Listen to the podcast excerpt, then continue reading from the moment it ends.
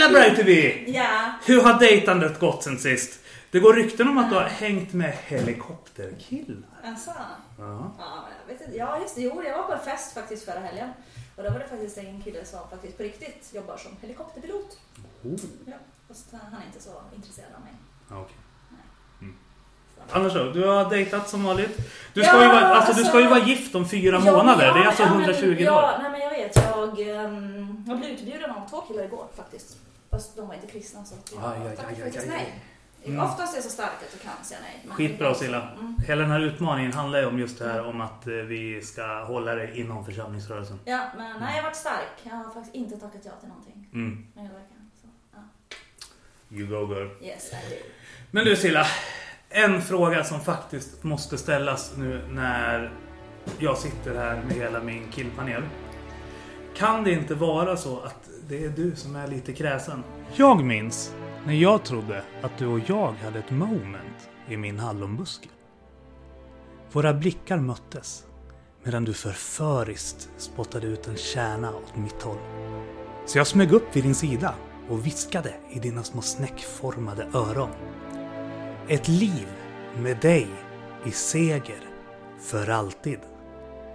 Eller kanske för lyssnarna mera känt som Hasta la Victoria siempre. Vilket ju är de legendariska orden som Ernesto Che Guevara yttrade innan han lämnade den kubanska halvön för att rida ut i natten och rensa hela den sydamerikanska kontinenten från moderatmuppar och helikoptersnobbar.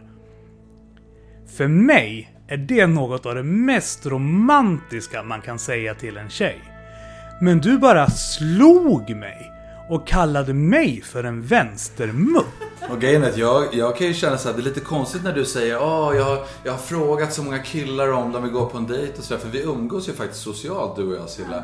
Och jag kan inte minnas att jag någonsin har fått frågan eh, på något tillfälle att vi skulle kunna gå på en dejt eller någonting. Så det känns lite märkligt.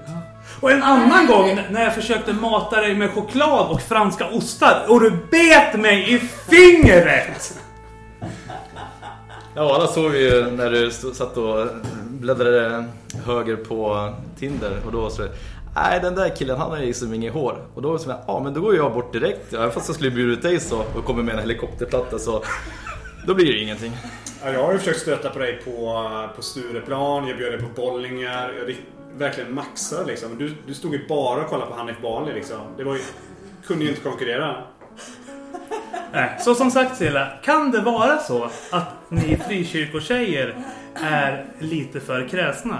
Eller är det så att vi måste konstatera att det är du som är lite för cool för alla oss? Jag menar, jag minns i mars när du testade positivt typ för covid-19 och Gunther ringde mig för att meddela att läget såg allvarligt ut för corona. Tre dagar senare fick dessutom Copeland sitt profetiska tilltal. Och vi har väl alla sett hur det har spridits över världen. Ja, det är ju så. Jag vet inte om eh, alla vet om det, men jag och eh, Silla tränar ju på samma gym. Och, det är ju, man tror det, eh, att när, när Silla gör armhävningar så det är egentligen inte att hon trycker sig själv upp. Det är att hon trycker ner jorden liksom. Så grym är hon. Vi satt och spelade Monopol en gång, kommer jag ihåg, du och jag Silla och några till här i mars.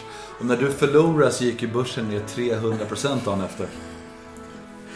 Ja, ja, ja, jag kommer ihåg det här. Jag personligen förlorade 40 000 på att du sitter och spelar Monopol med ett gäng civilekonomer på söndagnätterna.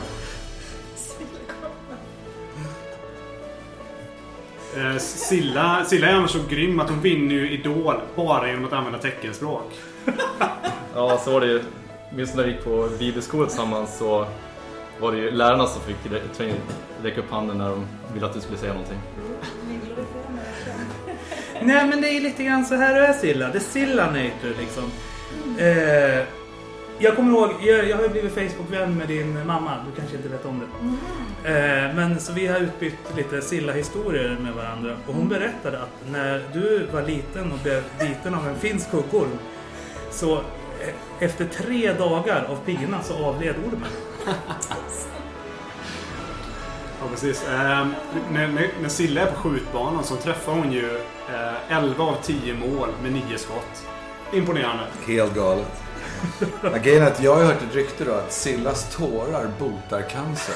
Ja men det var väl en jäkla synd att hon aldrig gråter i så fall. Precis. Men jag har ändå hört att eh, det går ett rykte på Hillsong att Silla egentligen dog 2015 men att döden ännu inte har tagit emot att hämta henne. Alltså, när, när, när Silla exponerades för covid-19 så fick ju viruset sitta i karantän i två veckor. Och Svante, du jobbar ju på uh, IVA-enheten på sjukhuset.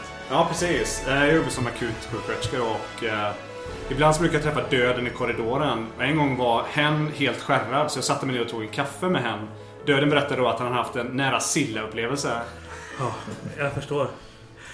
Eh, ja, men det är ju en imponerande tjej den här Silla. Eh, eh, en annan gång när jag sprang på din mamma, då berättade hon att när du föddes Silla, då körde du själv hem hela familjen från BB. Eh, och min ex-svåger, han är rymdforskare. Han berättade att skälet till att inte hittat något liv på Mars är för att du hade varit där. Vapen dödar inte, Silla dödar. Sill- Silla är så grym så hon vann en gång en tävling i att hålla andan under vatten mot en fisk. Men Svante, Jakob, Samuel, vad är det vi vill egentligen säga med allt det här? Att Silla, du är en helt fantastisk och grym, cool och härlig tjej. Så till våra lyssnare vill vi bara säga, bjud ut henne. Var skriver du någonstans? Eh, ja men vad är det du heter på kristendate.se? Silla85. Silla85. Yes. Come on boys. Och med det så vill vi avrunda veckans hashtag Silla Bride to be. What are you waiting for?